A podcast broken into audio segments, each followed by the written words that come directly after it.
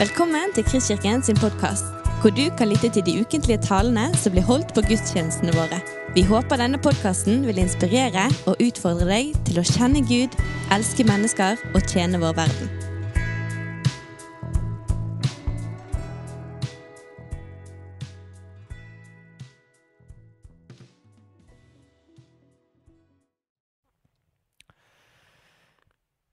Jeg tror de fleste av oss eh, husker for eh, ja, det nærmer seg halvannet, ett og et halvt år siden, når vi begynte å se de her nyhetsrapportene i, i, fra Kina, at det, at det, spredde seg et virus.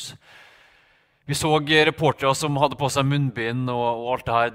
Det, er for så vidt ikke noe nytt. Jeg husker fortsatt når jeg, når jeg så det, og du så intervju med en kinesisk lege som hadde på seg munnbind og fortalte om noe virus. og noe Så tenkte jeg det her er jo ikke noe nytt.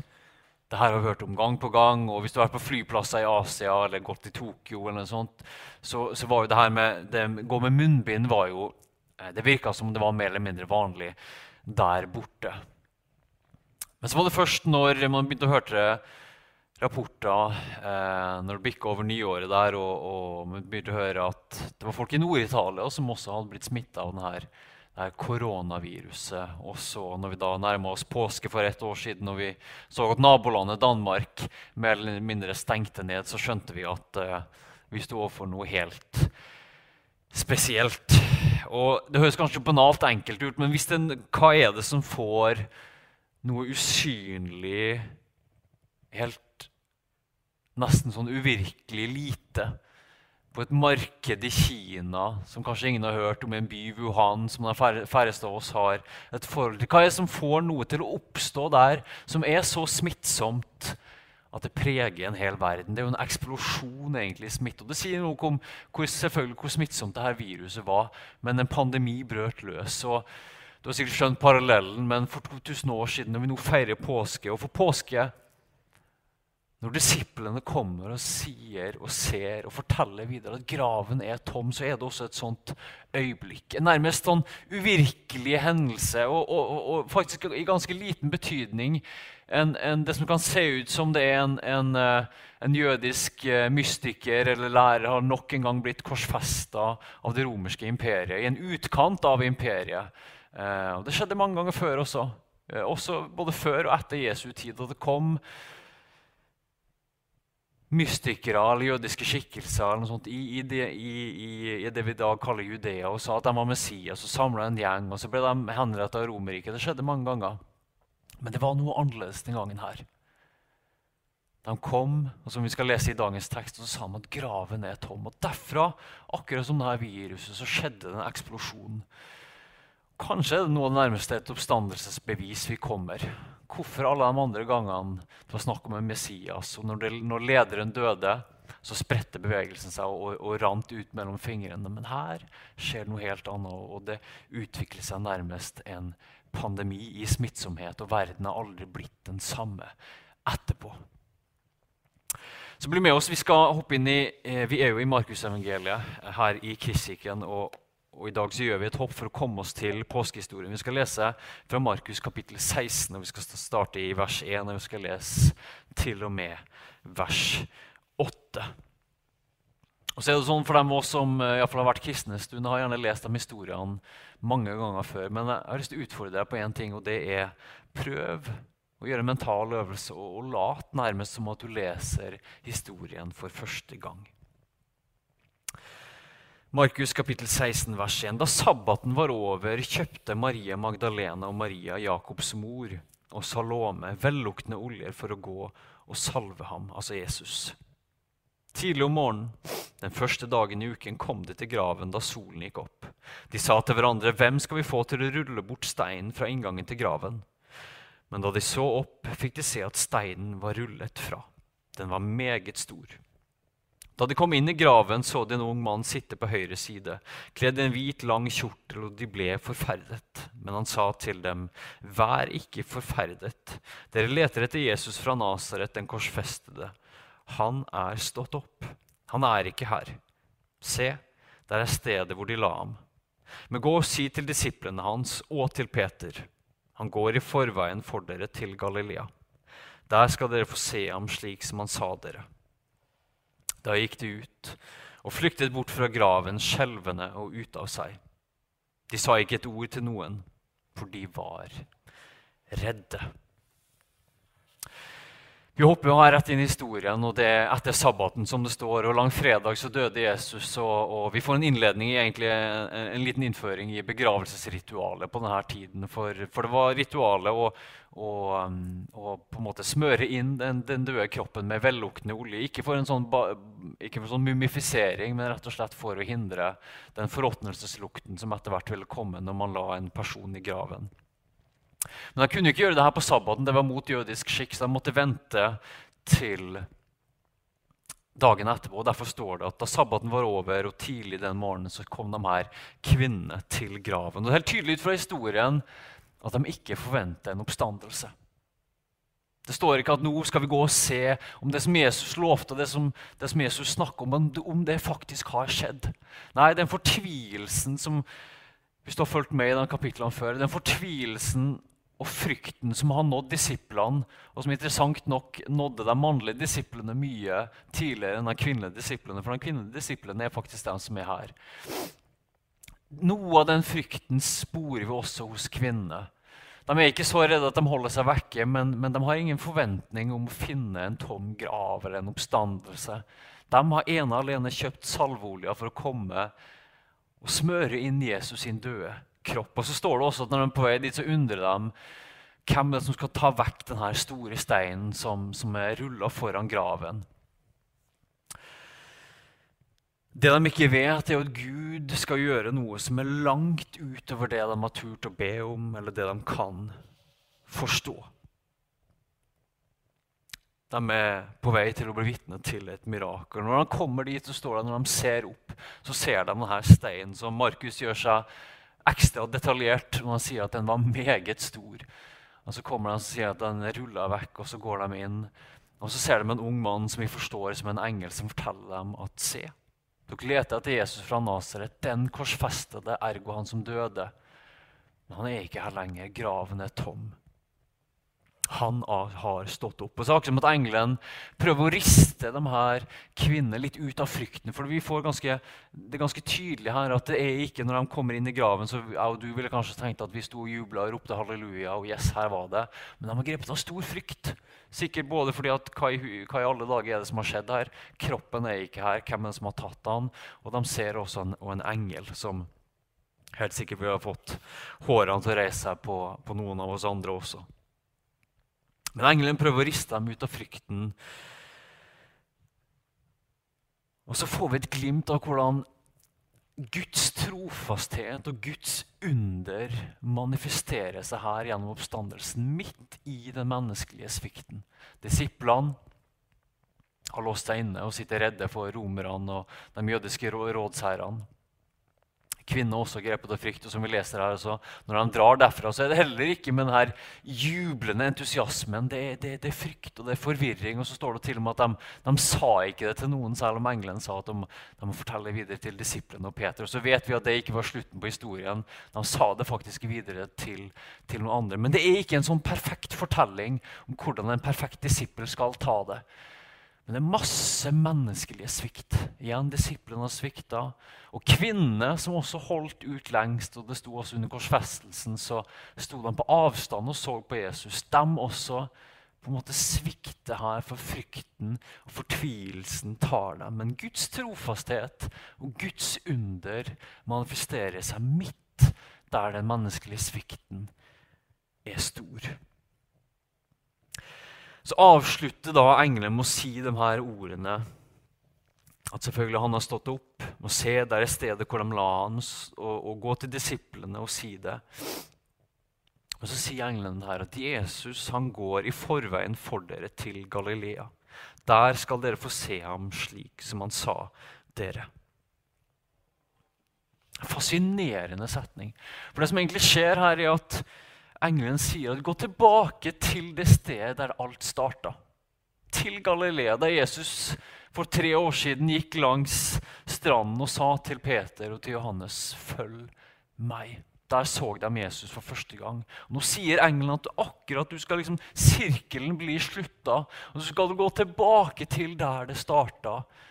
Og så får det hele en ny begynnelse, men selvfølgelig en helt ny mening. Jesus er der, men nå er han den som har stått opp. Den som har beseira døden, den som har beseira synden og har sagt at nå er det ikke bare at han har stått opp, men hele skapelsen har blitt ny, og frykten for døden trenger ikke å holde mennesker i fangenskap lenger. Men, men, men gå tilbake til Galilea, der det hele starta. Og litt parafrasert kanskje man kan si vend tilbake til Jesu første bud, nemlig følg Han.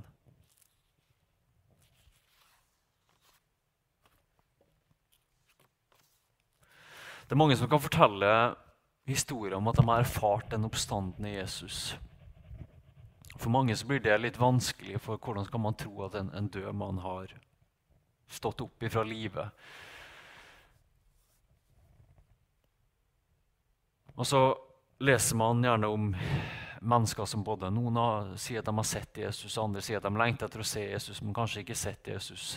Personlig så har jeg aldri heller sett Jesus med mine fysiske øyne. Men jeg tror jeg, i likhet med veldig mange andre, kan bevitne til den kraften som vi tror berører livet oss, livet våre når vi kommer i kontakt med den levende Jesus Kristus. Noe av mitt tidligste møte var rett og slett noe enkelt som, som tårer. Jeg kom inn i en setting, jeg var ikke veldig gammel, men jeg kom inn i en setning gjerne der det var noen som snakka om Jesus, eller, eller, det var noen som sang sanger til Jesus, eller noen som prekte fra Bibelen. Og husker den, det var helt forbi det rasjonelle, men, men, men, det var noe ved det her som bare rørte hjertet mitt så dypt at det eneste jeg kunne respondere med, var tårer. Og jeg har det fortsatt sånn. Ikke like mye, men jeg har det fortsatt sånn noen ganger. Og, og jeg tror også i likhet med andre kan bevitne at, at vi erfarer Jesu nærvær. Og igjen, Noen kan fortelle om, om å ha sett Jesus osv., men, men uansett, historien er at Jesus lever. Og hvis det er noe påskefortellingen virkelig forteller oss, så er det, for å si det veldig enkelt, at Gud har gjort jobben.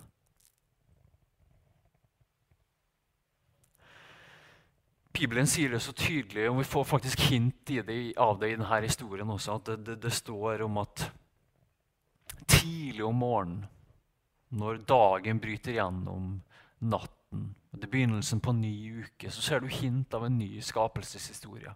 Hvis du går tilbake til første Mosebok, så er det altså den første dagen i uken, og lyset bryter fram ifra natten. Og liv bryter fram ifra døden. Så sier Bibelen at det, også, det er ikke bare at Jesus har stått, stått opp, men det er begynnelsen på en ny skapelse. Og Gud har tatt hånd om alt det som vi mener eller tror skiller oss fra Han. Og i ytterste konsekvens, så, hvis det er noe som skiller oss fra Gud, så er det kanskje døden. Og selv der så sier denne påskefortellinga til og med der har Jesus vært, og han overvant døden. Gud har tatt hånd om alt det som du mener måtte skille deg ifra han. Dette er noe av påskebudskapet. At Gud har gjort jobben. For jeg tror du kan kjenne på det, og jeg kan kjenne på også, at av og til så kommer vi inn i noe hvor du tenker at, at, på en eller annen måte at det er vi som skal gjøre jobben. Men hvis vi da, som vi da fort gjør, ender opp med at vår følelse av skam eller av synd eller alle feilene vi har gjort, at vi tenker at på en eller annen måte så gjør det oss at, at, at, Gud ikke kan akseptere oss, eller at vi ikke kan komme fram for Gud, så har vi egentlig aldri hørt påskebudskapet på påskebudskapet, er at nå er det ingenting som kan skille oss ifra Gud. Gud har tatt hånd om enhver synd. Ja, han har tatt hånd om selve døden. Gud er nær. Og med oss sjøl å gå inn i menneskelig skikkelse, ved å Jesus sjøl ha blitt til synd og gått igjennom døden og kommet ut til liv på andre siden, så har Jesus med seg hele menneskeheten, og det inkluderer også deg.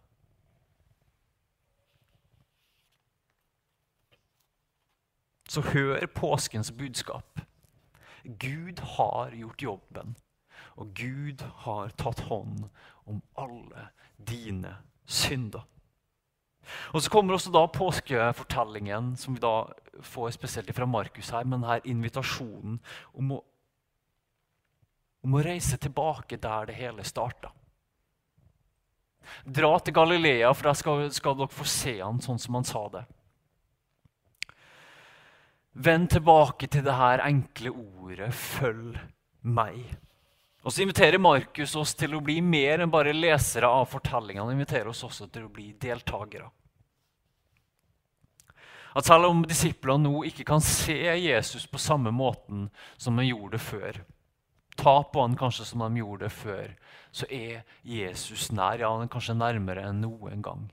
Men dra tilbake, vend tilbake til den første utfordringen. Følg meg. Og der skal dere få se Jesus. Jeg tror det er også en invitasjon til meg og deg.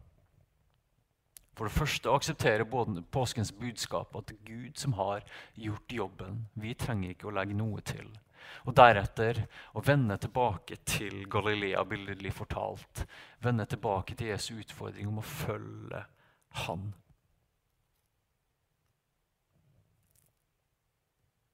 Og Den utfordringen har runget ut over 2000 år og, og, og fortsetter å stadig kalle mennesker. Ikke til en prestasjon, ikke til å prøve å tro, men å gå noe av den samme veien som Jesus gikk. Bibelen kaller det korsets vei eller veien til Jerusalem. Om å gå veien gjennom frivillig død og ut til liv på den andre siden. Bibelen kaller det å dø fra seg sjøl. Noen kan tenke at det er veldig sånn, da visker man, ut seg sjøl. Men Bibelen snakker egentlig om at det er sånn man blir ekte menneske. Ved å la de fragmenterte delene av seg sjøl, ved å la de egoistiske delene av seg sjøl, ved å la de delene av oss sjøl som ikke vil åpne oss opp for liv. At vi lar dem frivillig bli med Jesus opp på korset. Når vi gjør det, når vi følger han, så er det løftet om at vi skal bli med han også til nytt liv. Både i dette livet og i det neste. Så kanskje har du noen byrder som du trenger å legge av deg. Kanskje det er noen steder i ditt liv der påskebudskapet ikke har fått nådd helt inn, der du tenker at noe at du må bære det, eller at du må gjøre jobben. Nå vil jeg invitere deg til å, til å høre påskens budskap en gang til. Gud har gjort jobben. Når det, og det er når vi virkelig ser det, at han har tatt hånd om all synd, ja, selve døden, og at vi er akseptert av Gud sjøl fra topp til tå og fra ytterst til innerst. Når, når den sannheten kommer inn, da begynner det å forvandle hjertet. Kanskje Jesus også inviterer deg også til å vende tilbake der det hele starter. Eller kanskje vende tilbake til Galilea for første gang om å følge Han. For slik å bli de menneskene som Gud har skapt oss til å være. Kanskje handler det om å tilgi noen som har såret deg. Kanskje handler det om å finne rom for bønnen igjen. Kanskje handler det om å legge av seg eh, materielle prioriteringer foran prioriteringer som kanskje er viktigere. Dette vet du best, men Jesus inviterer oss til å vende tilbake der det hele starta. Om å få legge av oss enhver byrde og få lov å begynne å følge Han i nytt liv.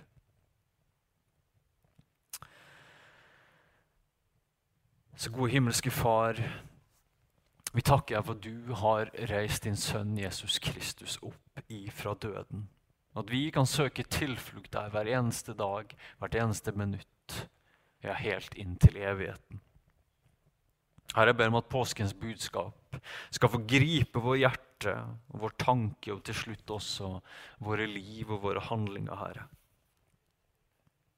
Jeg vil be for hver enkelt som hører på og som ser på, Herre, at påskens budskap skal få oss til å virkelig tilslutte oss det at du har gjort jobben Gud. Det er ingenting vi trenger å legge til. Og at derifra og med det som utgangspunkt at vi kan få lov til å begynne å følge deg, Jesus Kristus, inn til et liv og liv i overflod.